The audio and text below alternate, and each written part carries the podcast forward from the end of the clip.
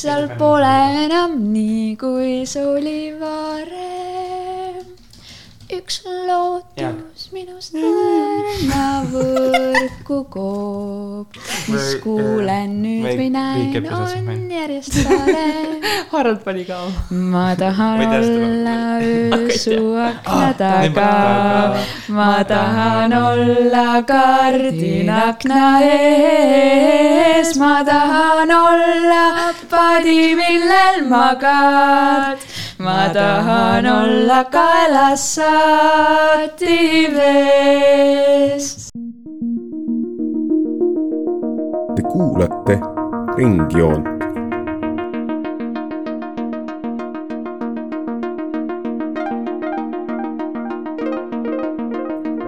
joon ringis. saatesari varjupaiksed. tere, kallid kuulajad, oleme jõudnud oma saatesarja viimase episoodini. meil on tohutult tore olnud siin rääkida omavahel, rääkida teile igasuguseid teooriaid ja mõtteid ja jagada oma arvamust ja samuti ka meie kolm külalist on olnud väga vahvad ja väga sisukad saated no neli, okei okay., Solveig siin juba näitab mulle näppe, et meil tegelikult käis Karl ka külas aga, aga tänane saade ongi siis rohkem fokusseeritud tulevikule et kuidas meil, kuidas meil see ränne võiks tulevikus välja näha, millised on mingisugused arengusuunad, mida me ehk näeme ja tõmbame ka natuke siis tõesti seda saatesarja kokku. minu, minuga täna siis ongi siin Solveig ja Harald. tere! tere! ja mina olen siis teie saatejuht Saskia ja esimese küsimusena ma tahangi teie käest küsida, et mis on olnud teie jaoks sellised kõige äh, suuremad õpimomendid või kõige sellised helgemad hetked, mis meil siin stuudios on olnud koos mulle võib-olla kõige rohkem meeldisidki need saated, kus meil olid, äh, kus me olid nagu väliskülalised. et esiteks Markuse saade humanitaarabi kohta, et mul oligi see õppija roll nii-öelda meist äh, neljast, et äh, te kõik olite kuskil nagu käinud, kõik rääkisite oma värke, oma, oma kogemusi. ja ma nagu tõesti, ma ei olnud varem just sellele teemale nii palju mõelnud, et kui palju probleeme on just nagu humanitaarabi andmises ja see oli väga-väga nagu hea osa selles osas, et nagu üle maailma erinevaid asju kuulda, siis äh, Eero osas äh, ka mul on väga hea meel, et nagu Eesti pagulasabi juht isiklikult tuli meiega rääkima ja see oli ka väga huvitav. Igoriga kliimarände saade, kuigi ta väidab, et ta pole ekspert, siis nagu väga, väga, väga palju sain äh, teada just selle osas, mis, mis kliimat puudutab ma võib-olla lisaksin, mulle meeldisid samamoodi need kõik, mis Harald mainis, aga ma võib-olla lisaksin siia ka majandussaate. ja just nagu see osa, kus me rääkisimegi sellest, et kuidas pagulane, kes tuleb sihtkohtriiki, et kuidas äh, tekitada see olukord, et ta ei saaks pelgalt koormaks, et et mul on tunne, et äh, Eestil on siit just väga palju õppust võtta mõnedelt äh, teistelt riikidelt ja teisalt mulle meeldis ka inimõigustest rääkimise saade ja samamoodi jah, humanitaarabi, et, et mulle meeldivad alati saated, kus, kus ma nagu saan kuulata ja suu vajub ammuli lahti, et issand, inimesed teevad nii ägedaid asju. et, et see on tõesti miski, mis ma loodan, et võib-olla inspireerib ka meie kuulajaid ja ma arvan, mulle isiklikult, äh, mulle meeldib, kuidas meil see saatesari on natuke nagu üles ehitatud, et me alustasime mingitest terminist ja mõtetest, selline noh, nagu baasi loomine. ja siis, kuidas me olemegi nende külalistega saanud sinna peale ehitada, et ma ütlen, mul samamoodi nagu tõesti see Eero saade oli väga, väga huvitav, et kuidas need organisatsioonid tõesti töötavad ja mida Eesti organisatsioonid teevad välismaal ja kuidas just siis Eesti pagulasabi nagu on ka kuidas ma ütlen, up to task, et mul on nagu see oli hästi-hästi-hästi tore, et kuidas nad nüüd selle Ukraina, Ukraina sõja intensiivsuse kasvamisega on siis suutnud nagu kohe kaasa minna. aga ma arvan, et minu isiklik lemmik siiski oli meie eelmine saade Kohanemine. et ma ei tea, kuidagi see tuli meil nii äh,, nii loomulikult ja meil samamoodi seda ekspertiisi oli kuidagi omavahel siin nii palju, et äh, see oli, see oli hästi-hästi-hästi vahva arutelu nii, aga nüüd, kui meil on selline võib-olla väikene tagasivaade tehtud, läheks siis selle tänase suure teema juurde ehk tulevik. mida, kuidas, kuidas teie näete, et äh, olles nüüd siin seda teemat arutanud juba peaaegu kaks kuud, et äh, mida, mida me võime siin vaadata äh, kümne, kahekümne, viiekümne aasta pärast, et kas meil neid rändajaid tuleb rohkem, kas tuleb vähem, kas millised takistused võivad olla, et äh, kuidas, kuidas see tulevik võiks välja näha? Ma võib-olla teen siin otsa lahti. ma mõtleksin eelkõige sellele küsimusele vastates sellele, et äh, mis siis rännet mõjutavad, et kui me tagasivaatavalt nüüd mõtleme sellele, et äh, me teame, et näiteks äh, rahvusluse ja populistlike praktikate levik on, on väga palju tekitanud just nimelt seda vastumeelt siis põgenike osas, kes, kes siia Euroopasse või siis ka USA-sse saabuvad.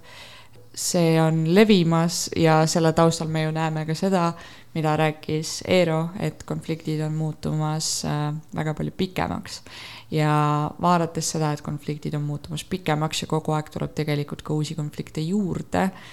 ja see tegelikult äh, veel aitab siis nendel äh, rahvuslastel ja populistidel, aitab seda vaenlast veel eriti hästi luua, sellepärast et kogu aeg on keegi, kes ei sobitu siis olemasoleva kultuuriruumiga, kogu aeg on keegi nagu juurde tulemas. Et mul on tunne, et, et need kaks asja on selles mõttes jah, interconnected pikemad konfliktid äh, põhjustavad veel rohkem vastumeelt, äh, põhjustavad alati veel rohkem põgenike voole. aga ma üritan selles mõttes olla ka natukene positiivne, et, et ma loodan, et äh, Ukraina sõda saab nüüd läbi, et meil, me oleme nüüd näinud viimastel päevadel meedias väga häid uudiseid selles osas. see on üks suur konflikt, mis on Eestile olnud tegelikult ju väga, väga suureks ma ei tahaks öelda, et koormaks, aga see on olnud miski, mis on pannud meid siis äh, väga suurt osa endast andma sellele, et seda kriisi lahendada. ja ma nagu tõesti loodan, et see nüüd äh, leiab oma lõpu ja samamoodi ma loodan ka, et äh, Etioopia kriis samamoodi on ju tegelikult see olukord on muutunud natukene paremaks, et, et ma ikkagi loodan, et mingisugune seal on lõpp, et võib-olla ongi murekohaks jäävad siis need sisemised konfliktid, et ongi Hiina ja uiguurid ja äh, rohingad ja, ja, ja kõik see, et võib-olla see muutub siis selleks, selleks, ma ei tea, kaalukeeleks. jah, kui ma nagu algul vastan sellele, et kas rändajatel on tulevikus rohkem või vähem takistusi, siis äh, et võtakski case study'na Ukraina sõja, et ja noh, sellega seonduva pagulaskriisi siis. et ühtepidi on see, et, et Ukraina sõjaga seoses põhimõtteliselt nagu kõik, mis puudutab rändajaid, on toimunud või noh, noh, ütleme pagulasi, põgenikke on toimunud enneolematult kiiresti. et nagu täi-, kui varem on, on ehitatud müüre, et pagulasi eemale hoida, et näiteks Ungari kaks tuhat viisteist ja siis nüüd veel väga hiljuti Valgevene piirile Poola ja Leedu Äh, mille tõttu ka inimesed noh, surid reaalselt, sest nad jäid nagu kahe tara vahele või noh, sõdurite ja tara vahele. et siis nüüd on nagu täielikult olukord muutunud nagu päevapealt. et tehti ka otsene rongiühendus, et võimalikult paljude inimest ära tuua, mis on täpselt vastupidi sellele, mis varem oli. aga nagu teisalt ongi see küsimus, et kas äh, kas see näitab mingit äh, sihukest humaansuse kasvu, kas see näitab mingit trendi muutumist või on see üks spetsiifiline olukord äh, ja mul on tunne, et Ukraina sõja nagu paratamatult selle iseloom on teistsugune. et see, et me oleme nüüd ühtäkki nii humaansed ukrainlastega, et esiteks see on väga hea, et nagu on olnud, äh, nagu me eelmises osas rääkisime ka noh, neid äh, poliitilisi äh, jõude noh, üle Euroopa, kes on, on hakanud õhutama viha põhimõtteliselt ukrainlaste vastu, aga see ei ole toiminud, vähemalt Ida-Euroopas aga, aga ongi see probleem, et äh, kas asi on selles, et eestlased aitavad ukrainlasi nii hea meelega sellepärast, et nad on pagulased või sellepärast, et äh, nad on äh, nagu, me tunneme neis enda ära ja me oleme Venemaa vastu ja seetõttu aitatakse nii palju, et ma kardan, et see on pigem nagu see teine, aga kui me räägime nagu pikemast tulevikust, nagu ongi pigem nagu kolmkümmend, viiskümmend aastat, siis, siis on see, et noorem põlvkond on juba peale tulnud otse välja öeldes, et nagu rassismi on vähem ja, ja hoolivust on rohkem, et põhimõtteliselt ma arvan, et, et lühikeses plaanis Ukraina sõda on nagu pigem natuke erakordne nähtus, et nii palju aidatakse, eriti ala Ida-Euroopas ja nii, aga, aga jah, pikas plaanis ma arvan, et see nagu oleks, ma oleks optimistlik, et nagu asjad muutuvad et jah, mis, jah, mis me tahtsime näiteks tuua, et praegu on äh, muidugi ka Ukrainas olnud põhimõtteliselt Aafrikast pärit inimesed, kes on Ukrainas õppinud ülikoolis. et nagu riigist väljavates bussides neil on öeldud näiteks äh, no blacks allowed, eks ole. mis on nagu äh, ka jällegi näitab, et praegu me ei ole veel nagu just selle nagu etni-, etnilise, rassilise noh, aspekti poolest nagu kohal, aga jah, ma arvan, et see muutub enam-vähem nagu uue põlvkonna pealekasvamisega päris palju. ma arvan isegi seda ka, et see, et meil on organisatsioonid, kes on võtnud hästi palju vabatahtlikke vastu, näiteks ongi suur näide on Eesti pagulasabi. et ma arvan, et kui nad võtavad neid pagulasi vastu Ukraina kriisi raames, siis nad tegelikult ju ka näitavad kõike seda muud, kõike seda ülejäänud, mida nad teevad mujal maailmas. ja tegelikult nad äh, aitavad neil inimestel näha, et et Ukraina kriis äh, on jah, võib-olla see, mis on nad pannud huvituma sellest teemast, aga see võib-olla on ka see, mis toob neid üleüldisesse plaani nagu lähemale. kusjuures see on väga hea mõte, ma ise polegi sellise nurga alt mõelnud, aga et tõesti, et nüüd see pagulasabi vajadus on nii ilmselgeks muutunud. Et, et seal ongi nagu see, et nüüd me näeme see Ukraina sõjaga, et see tõesti nagu on selline ja seal raha voolab, et nagu Eero ütles, et neil nagu need numbrid, mis neil nagu praegu läbi käivad, on ikka mingi kakskümmend, nelikümmend korda, mida ta ütles, et need rahanumbrid on tõusnud ja ka et, inimeste numbrid tegelikult. jaa, just, et see vajaduse arusaam on nagu niivõrd selge, aga ma võib-olla, ma isegi oleksin võib-olla natuke pessimistlikum kui Harald, kui ma nüüd nagu ise mõtlen, et et võib-olla lihtsalt see, et meil, meie siin ruumis praegu istume ja tõesti nagu tajume, et et see humaansus võib-olla nagu meie põlvkonnas võiks no olla suurem ja kõike seda, on ju, aga aga tegelikult see kõik oleneb jällegi sellest, et kuidas nagu noored ja kuidas nagu see perekondade ja kõik see on, et me oleme võib-olla natuke oma mingis kajakambris, aga ma tõesti arvaks, et võib-olla sellise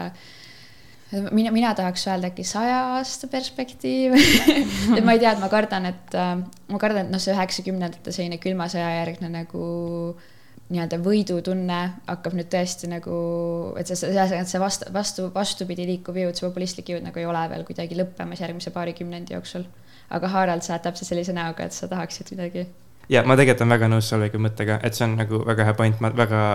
tahaks loota, et, et just see, et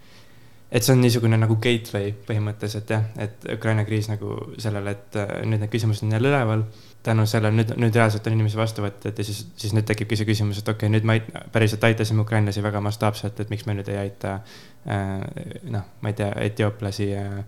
ja, ja teisi noh, kolmanda maailma. ja siis on ju hakkabki inimesi. küsimus selle peale, et tegelikult kuidas me suudame nagu seda kultuuri aspekti nagu läbi rääkida, on ju. et just see inimeste nagu üldine inimlikkus ja hakkavad kõik need teised pooled siin nagu rolli mängima. ja tegelikult on ju ka noh, see kliimasaade, mis meil oli, ma võib-olla tooks siin mõttena välja selle, et äh, kogu see kliimaprobleem ja suurenev, suurenev äh, vajadus võib-olla sellisele äh, maale mis meil siin Eestis on, eks ole, et kui, kui maailm on kõrbestuv ja kui kõik faktorid, mis ülejäänud maailm teeb, aitab kaasa sellele, et nagu väga suur osa inimkonnast peab lihtsalt endale uue elukoha leidma, siis tegelikult me kõik oleme ju selles vastutavad et ma just näen, et võib-olla kliima on selline asi, mis tegelikult toob meid kokku, sellepärast et me üks hetk saame aru, et okei okay,, me oleme pekki keeranud veits. isegi võib-olla vanemad põlved saavad aru, et võib-olla ei oleks tohtinud what not. aga, aga võib-olla just see kollektiivne vastutus tegelikult nende inimeste suhtes, kes, kes on oma kodudest ilma jäänud just kliima tõttu aga võib-olla selle peale ma küsiksingi selle küsimuse, et kas me nagu üldiselt nõustume praegu siin ruumis, et pigem neid nagu pagulasi ja rändajaid tuleb juurde järgmiste aastate jooksul? mina ütleks jah. ma otseselt ei vastanud sellele, aga just ähm, ma, ma olen ka nõus, et äh, ma mõtleks võib-olla isegi, kui ma seon need kaks küsimust või et, et siis jah, nagu ma olen nõus, et noh, kliima, kliimapagulustamisega, et on väga kasvav, nagu ka soovitan jah, seitsmendat saadet kuulata selle osas, kus Igor nagu väga põhjalikult rääkis sellest, et see on nagu suht ühene ja see hakkab kasvama nagu võib-olla ka nagu eksponentsiaalselt ja vajabki nagu maailma muutumist, et sellega toime tulla. aga lisaks ka puhtalt see, et maailma rahvaarv aina kasvab ja eriti ta kasvab just nendes piirkondades, kus on kriisid, kus just kliima, mida tabab kliimakriis põhimõtteliselt, et a la just see Saheli piirkond, seal kasvab rahvaarv väga-väga kiiresti ja praegu on Pakistanis, eks ole, noh, üleujutuseni, kust küll, sealt vist ei ole nagu suuri vooluotsast, aga see on nagu, see on nagu algus, see on nagu noh praegu ongi see, et see nagu hakkab olema aina sagedasem asi, äh, mis näiteks Pakistanis praegu toimub. ja seal ka, eks ole, rahvaarv mastaapselt kasvab kiiresti mm. -hmm aga, aga mis need siis nagu võiksid olla tulevased põhjused, miks äh,, miks inimesed võiksid rohkem rääkida, et kliimast me oleme juba nagu maininud, aga kas seal on veel mingeid, mida te näete, mis võivad tulla? Ma ütleks, et nagu kasvav trend, nagu ma alguses mainisin, ongi need just sisekonfliktid ja piirikonfliktid mm. et mul on tunne, et äh, noh võib-olla ma vaidlen siin natukene vastu siis äh, Rein Taageperele, kes ütleb, et võib-olla üks hetk tekib selline suur rahvusriik või suur selline impeerium, mis, mis hõlmab endas siis kõiki maailma riike, aga. no selles suhtes tema ütles seda, et see toimub küll aastal neli tuhat kuussada viis, nii et sinna veel natuke aega. aga üleüldiselt nagu mina tunnen et äh, võib-olla jah, see on olnud trend minevikus, et, et on nagu üks või teine riik, mis on ajas olnud äh, suurem kui teised, aga mul on tunne, et see hakkab natukene vähemaks jääma, et me oleme näinud ka siin ju seda Venemaa läbikukkumist tegelikult Ukraina osas, et, et nad äh, on natukene võib-olla kinni jäänud sellesse aega, kus olid need impeeriumid, mis said nagu vabalt vallutada, aga kuigi kuidagi see inimeste meelsus ja teadlikkus kõige selle osas on niivõrd kasvanud, et mul on tunne, et kasvavaks trendiks ongi just nimelt need piirikonfliktid ja sisemised konfliktid, et äh, sisemiste konfliktide all ma mõtlengi äh, just nimelt neid äh, etnilise puhastamise kampaaniaid, vangilaagritesse saatmist nagu, et, et ollakse mingisuguse etnilise grupi suhtes omaenda riigis ollakse vaenulikud. mul on tunne, et see on siis äh, samamoodi ka rahvusluse kasvuga äh,, võimul oleva partei rahvusluse kasvuga on nagu tõusvas joones. kas minu arust need on tegelikult tohutult omavahel seotud, et võib-olla mul on selline kerge eelsoodumus ka praegu, siis ma just olen suve, suvel mõelnud nende piiride küsimustele natukene, aga see etnilised konfliktid ja see sisekonfliktide ja piiristajate teema, et tegelikult ju, kui me räägime nendest piiridest, milles me täna elame, on ju väga noored, need piirid, võib-olla mõnes kohas isegi nagu noh, võib-olla sadat aastat on ju, natuke üle saja aasta. Et tegelikult sellises nagu mastaabis nüüd on nii lühikene aeg ja tõesti need koloniaalvõimude tõmmatud piirid on ju noh, valesti tõmmatud, et see on mm -hmm. nagu mhm. vananali, millest noh, need piirisõjad ja etnilised konfliktid ka tulenevad. et huvitav, et kas me oleme nüüd mingisuguses järgmises ajajärgus justkui natukene, kus meil on nagu just nagu need kaks, äh, kaks poolt, et ühelt poolt sul on äh, see väga tugev rahvusvaheline nagu õiglustunne ja seadustik, mis on ju noh, suveräänsus, kõik sellised teemad, mis nagu toetavad neid piire. ja teiselt poolt on justkui nagu see tung või vajadus siiski neid piire nagu nihutada. Et, et see, et see on võib-olla jah huvitav, et kui me just räägime Aafrikast, et mul oli siin üks, äh, üks kursus Äh, eelmine, eelmine aasta, eelmine aasta sügisel, kus õppejõud ütles otse välja, et noh, Aafrikas tegelikult, mis oleks vaja, see, et me kõik tõmbame ennast korrast, korraks välja, on ju, sealt siis kakssada aastat peavad seda, siis on piirid paigas, siis nad võivad olla uus Euroopa, on ju. et äh, see on küll väga lihtsustatud, aga just nagu sellest seesama mõte on ju, et me, et me tegelikult nagu noh, piirid peaksid ennast kuidagi paika nügima, et see on nagu tohutult äh,, tohutult keeruline selles suhtes jällegi, et äh, ma ei kujuta ette, kuidas see võiks välja näha, sest mingit sellist äh, suurt sõda, genotsiidi asja, mida, mis tegelikult neid piire on nagu paika sättinud, seda me ju keegi jumala eest ei taha. et see on jah, väga selline, väga selline suur küsimus praegu. ja ma nagu sekundeerin seda mõtet väga, et äh, rahvusvaheline õigus peab muutuma põhimõtteliselt, noh, see on jällegi teema, millest noh, mina tean nagu vähem kui teie, aga nagu just nii palju, noh, et nii palju, kui ma aru saan, siis äh, põhimõtteliselt jah hea point, et ajaloos tavaliselt äh, niisugused muudatused on tulnud pärast suuri sõdu, eks ole, ja pärast, viimati pärast äh, Nõukogude Liidu kokkuvarisemist, aga ongi see, et äh, noh, okei okay,, kui me nüüd hakkame seda mõtet ehitama, mõtleks, et peakski nagu laiemalt vaatama, eks ole, et kuna nagu need reg regionaalsed konfliktid on nagu väga seotud rändega, eks ole, nagu me näeme Ukraina näitel, siis ongi see näiteks, mis väga palju mõjutab kindlasti, ongi see küsimus, et noh, mis saab Venemaast pärast seda sõda. Õnneks võime suht julgelt öelda, et nad nagu kaotavad, et kui enne oli, enne oli see küsimus, kas Ukraina võidab või mõlemad kaotavad sellest nii-öelda, eks ole, siis ühesõnaga. suur Eesti väga... uureli mägedeni. just, jah äh, Eesti. tegelikult Peterbur ongi Eesti linn, millest me räägime nagu seal oli lausa viiskümmend tuhat eestlast no,. Eesti kirik on olemas, on ju, mida kõike veel. suurim Eesti linn oli kunagi, aga jah, et äh, jah, see sõltub väga palju nagu just sihukestest asjadest ja samuti see sõltub Hiinast mis seal toimub põhimõtteliselt, eks ole, sest et Hiinas ma ütleks, pilt on praegu nagu veits mustem, et kui me vaatame uiguure ja Tiibetit ja,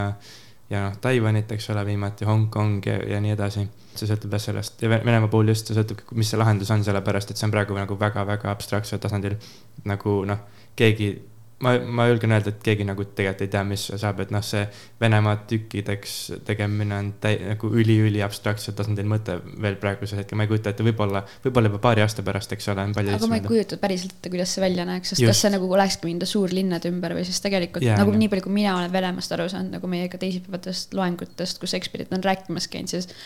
et seal ongi noh, need suured linnad on ju, aga need maapiirkonnad noh, tegelikult on ju enamus ja ega inimesed noh, elavadki oma elu, et nad võib-olla väga ei mõtle isegi sellistes mastaapides samuti nagu on tohutult palju mingit täiesti tühja ala, eks ole, kogu Siberis. ja siis on jälle see Hiina aspekt on ju, mida ka Taagepera mainis alaloengus, et äh, samas see on ka nagu see on jällegi asi, millest on ka ammu räägitud ja nii, aga see on natuke teemast võib-olla väljas. et, et kas Hiina võtab Siberi üle, aga. aga no, ma mõtlen, me oleme siin juba tegelikult sujuvalt liikunud võib-olla sellise suure küsimuseni, et kuidas see rände iseloom siis maailma ja riike muudab, et juba noh, Aafrikast on räägitud, piiridest on räägitud, et äh, kas on veel mingeid mõtteid teil, et milline see maailm võiks välja näha selle rändeküsimusega? et nagu üks asi, mis võib-olla kui jälle viidata seda Agebra loengut, mis tõesti oli väga hea, palun käige teisipäeval loengutes meil äh, kell kaheksateist viisteist Kirjalistide klubis. et just seesama mõte, et äh, noh, maailma riik või maailma kodanlus, et see isegi noh, võib-olla reaalsusega me räägime millestki, mis oleks nagu mitme tuhande aasta pärast, et see nagu selles suhtes ei ole mastaap, on ju aga kui me räägime võib-olla sajast aastast, räägime viiekümnest aastast, et äh, kas me võime mingeid muutusi oodata või pigem see süsteem on lihtsalt nii suur, et see võtab aega. mul on tunne, et nagu muutusi võib-olla mitte nii väga. mul on pigem tunne, et ongi nagu sellised mingisugused kasvavad trendid ja üks nendest kasvavatest trendidest, nagu Harald juba mainis, on Hiina. mul on tunne, et maailm ei jagune enam nagu riikideks ja seejuures suurriikideks, vaid maailm jagunebki selles mõttes siis mõjualadeks ja. aga kas see ei ole väga selline mingi külma sõja metafoor või me olemegi juba uues külmas sõjas sul või? no Hiina puhul ma ütleks, et äh, see, mis Hiina teeb, on konkreetselt äh, üsna sarnane sellele, mis toimus tegelikult külma sõja ajal. et äh, just nimelt Aafrika riikides on, on ju tegelikult riigid, kes on väga suures sõltuvuses Hiinast ja Hiina humanitaarabist, mida antakse siis põhimõtteliselt nende Aafrika riikide loodusvarade eest siis nagu võetaksegi mingeid tohutuid laenusid. Ja siis tegelikult jah, see kuidagi sandistab neid pidevalt. Ja see on äh, minu arust asi, mis, äh, millega peab tegelema. Ja kui me sellega ei tegele, siis konkreetselt üks hetk ongi mingisugune osa maailmast on kas siis täielikult või suures osas Hiinast sõltuv. Ja seejuures on tegelikult meil ju USA kes on äh, viimase kümne aasta jooksul muutunud väga kiiresti ebademokraatlikumaks. et kui varem nad äh, pidasid sõdu demokraatia eest, siis äh, ma arvan, et ülejäänud maailm ei anna neile enam võib-olla piisavalt seda credit'it, et, et nad üldse saaksid sellist asja teha, kui neil enda kodus on, on nagu osad spekuleerivad, et on tulemas uus kodusõda. jah, ma nagu jätkaks võib-olla seda mõtet, et äh, noh, me oleme veel olukorras, kus on nagu tripolaarne maailm, ma julgeks öelda enam-vähem, et on USA, Venemaa ja Hiina, eks ole, noh, laias laastus, kui me vaatame. ega samas aga..., sorry, ma kohe vaidleks sulle vastu, sest tegelikult jah. ma olen, ma ei mäleta, kes seda rääkis äh,, aga see mõte, et kui sul oli äh, kui veel mingi noh, ütleme kakskümmend, kolmkümmend aastat tagasi oli see, et sul olid USA ja Venemaa ja Venemaa oli see, kes Hiinat ära veendis, siis täna nagu on USA ja Hiina ja Hiina on see, kes nagu otsustab ära ja Venemaa jookseb järgi. just, ma tahtsingi. ja tegelikult ka USA on Hiinast sõltuv. just, ma tahtsingi edasi liikuda, et, et nagu ma olen noh, nüüd juba peaaegu kõik on ilmselt veendunud, et, et Venemaa impeerium kukub kohe, mis tähendabki, et me jõuame jälle selle, mis sai bipolaarse maailma, jah, bipolaarse maailmani aga lihtsalt see teine pool peale USA on Hiina nüüd nagu või noh, jah, noh, me, me peaaegu oleme juba seal, noh, me näeme, kusjuures äh, viidates äh, Veiko Vello Palm siis kirjutas sihukese artikli millalgi jaanuaris. ta on, ta on Eesti kaitseväe number kaks vend põhimõtteliselt, mis on ase, juhataja asetäitja, siis ta kirjutas, et Venemaa kui äh,, mis on vi, nagu viimseid äh, leegipurskeid tegev draakon või mis iganes, kuidas seda sõnastada mis oli väga, noh, see läks väga-väga täppi, et noh, nagu sest, et see oli kohe, see oli veel enne seda ma ei tea, kas ma kannaksin selle analoogia üle nagu, nagu rändeteemasse päris. ma, ma ei nagu mõjusfääride osas jah, ma ei teagi, ma, aga võib-olla küll, võib-olla on asi selles, et mitte nii, mitte päris mõjusfäärid sellises tähenduses. nagu külma sõja ajal, eks ole. aga, aga nagu ja nagu põhimõtteliselt vaba maailma versus autoritaarsuse konflikt. et nagu, kuigi noh, a la jah, Aafrika puhul see pilt on tegelikult väga sarnane külmale sõjale võib-olla jah, aga mm, -hmm. aga jah, eks ja võib-olla see, mis mulle just muret tekitab, kui ma seda nüüd edasi arendan, sõnu seda autoritaarsuse versus demokraatliku maailma nagu vastandust, siis äh, kui me mõtlemegi sellele, et väga suur osa maailmast on mõjusfääris riigil, mis tegelikult on, ongi noh, just nimelt autoritaarne, mille sisepoliitikas on okei okay,, et, et toimub genotsiid. Ja kui meil on selline riik, kes tegelikult nagu mõjutab nii paljude riikide eluolu, siis, siis ma ütlen, et väga paljud riigid võtavad neist samamoodi eeskuju ja võib-olla see on üks, üks põhjustest, miks, miks Aafrikas on just nimelt tõusujoones need etnilised konfliktid ja, ja nagu sa ütlesid, siis USA tegelikult ei ole enam üldse nii demokraatlik, kui ta oli nagu kümme aastat tagasi, nii et. okei okay,, aga me oleme siin väga sujuvalt liikunud üles meie ringjoone sügishooaja esimese saate teemasse, mis on Hiina nii et ma võib-olla tõmbaksin siin natuke pidureid ja läheks veel, läheks veel viimase asjana selle rände juurde tagasi ikkagi. et meil nüüd äh, tõesti oleme siin üheksa episoodi koos käinud, oleme rääkinud sellel suurel teemal. Kas teil on mingeid asju, mis on teile veel kuidagi südamele jäänud, midagi, mida, mida tahate mainida, midagi, mis mingisugune valgustus, mis on tekkinud võib-olla siin lugedes teooriat, vaadates erinevaid videosi, et me saaksime seda materjali siin kokku panna kuulajatele, rääkides külalistega, mingeid selliseid äh, suuri viimaseid ideid, mitte, milleta ei saaks seda saatesarja nii-öelda öelda, et on purgis? ma ütleks just selle vastanduse, mis, mis on tegelikult toimunud meie endi hulgas Ukraina kriisi valguses. et mul on tunne, et kui kaks tuhat viisteist toimus see pagulaskriis, siis see tundus meie jaoks selline hästi kauge asi ja me ei saanud võib-olla päris täpselt aru, et mis neid inimesi oma kodudest pagema paneb. ja meile tundus, et võib-olla see ongi noh, konkreetselt seotud sellega, et ma ei tea, siis Aafrikas või Lähis-Idas on riigid, kus äh, kus inimesed äh, elavad nii halvasti, et nad tahavad jumala eest tulla siia Eestisse külma kätte. et, et nagu me võib-olla tunnetasime seda oportunismi seal pagulaskriisis nende pagulaste näol, aga mul on tunne, et see on natukene muutunud, see meelsus on natukene muutunud just Ukraina pagulaskriisi võtmes. et mul on tunne, et nüüd on meil tekkinud arusaam, et see võib juhtuda igaühega meist. ja ma vähemasti loodaks, on see natukene toonud siis kõiki pagulasi meile nagu lähemale ja me võib-olla näemegi siis seda, et konfliktid toimuvad igal pool maailmas. Kestavad järjest kauem aega, need, neid tekib järjest juurde ja kuigi Eesti ei ole rolli mänginud, ma ei tea, asjades nagu koloniseerimine, eks ole. piiride tõmbamine no ah,.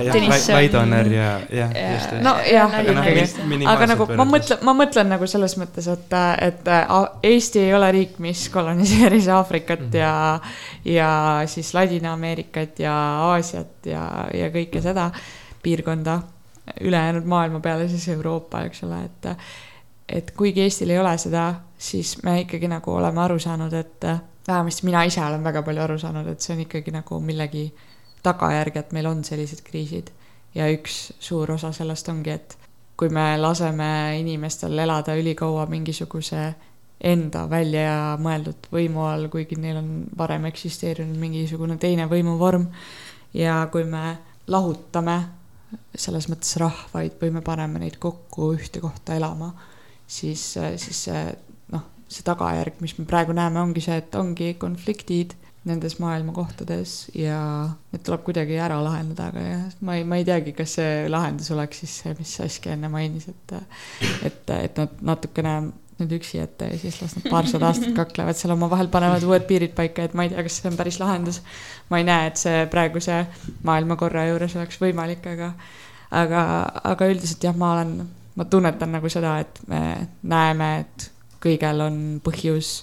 ja me oleme nüüd natukene okeimad selle tagajärjega Ukraina kriisi võtmes, sest et see võib juhtuda ka meiega. jah, et ma nagu see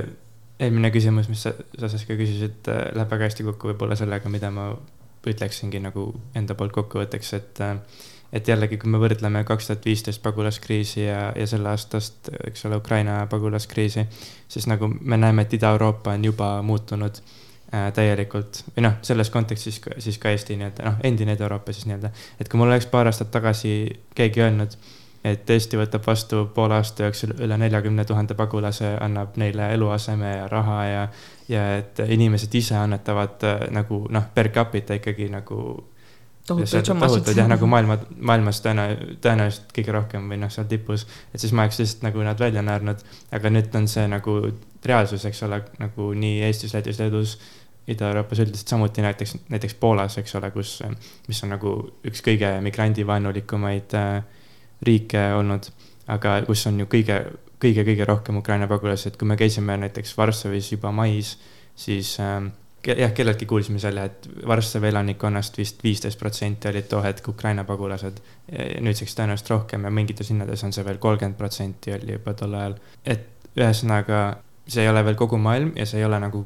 kõikide kriiside osas, aga see on nagu samm õiges suunas. ma nagu võib-olla pigem isegi oleks optimistlik ja just nimelt see teine asi, mis ma ütlesin just selle kohta, et noored tulevad peale üks hetk ja ka näiteks Ida-Euroopa noored on elanud juba nagu vab-, sündinud vabasse maailma, eks ole. see muudab nagu palju, aga noh, samas meil on, samas jällegi meil on ka suur osa maailmast, eks ole, kes ei ela vabas maailmas, et, et see kõik nagu, ma ütleksin jah, see võib minna mõlemas suunas. see, mis sa Solveig välja tõid nagu mõjusfääride kujunemise osas on ka nagu jah, see on hea point ja ongi see, et eks näis, et nagu jah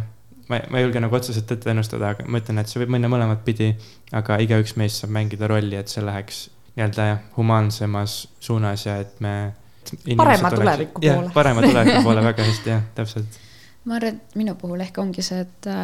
et ma loodan, et me ei unusta ära, et need inimesed on inimesed nagu ukrainlased või nagu meie, siis kui nad on võib-olla nende nahas on natuke rohkem melaniini või nad on võib-olla natuke teistsuguste näojoontega kui meie. Et see on, äh,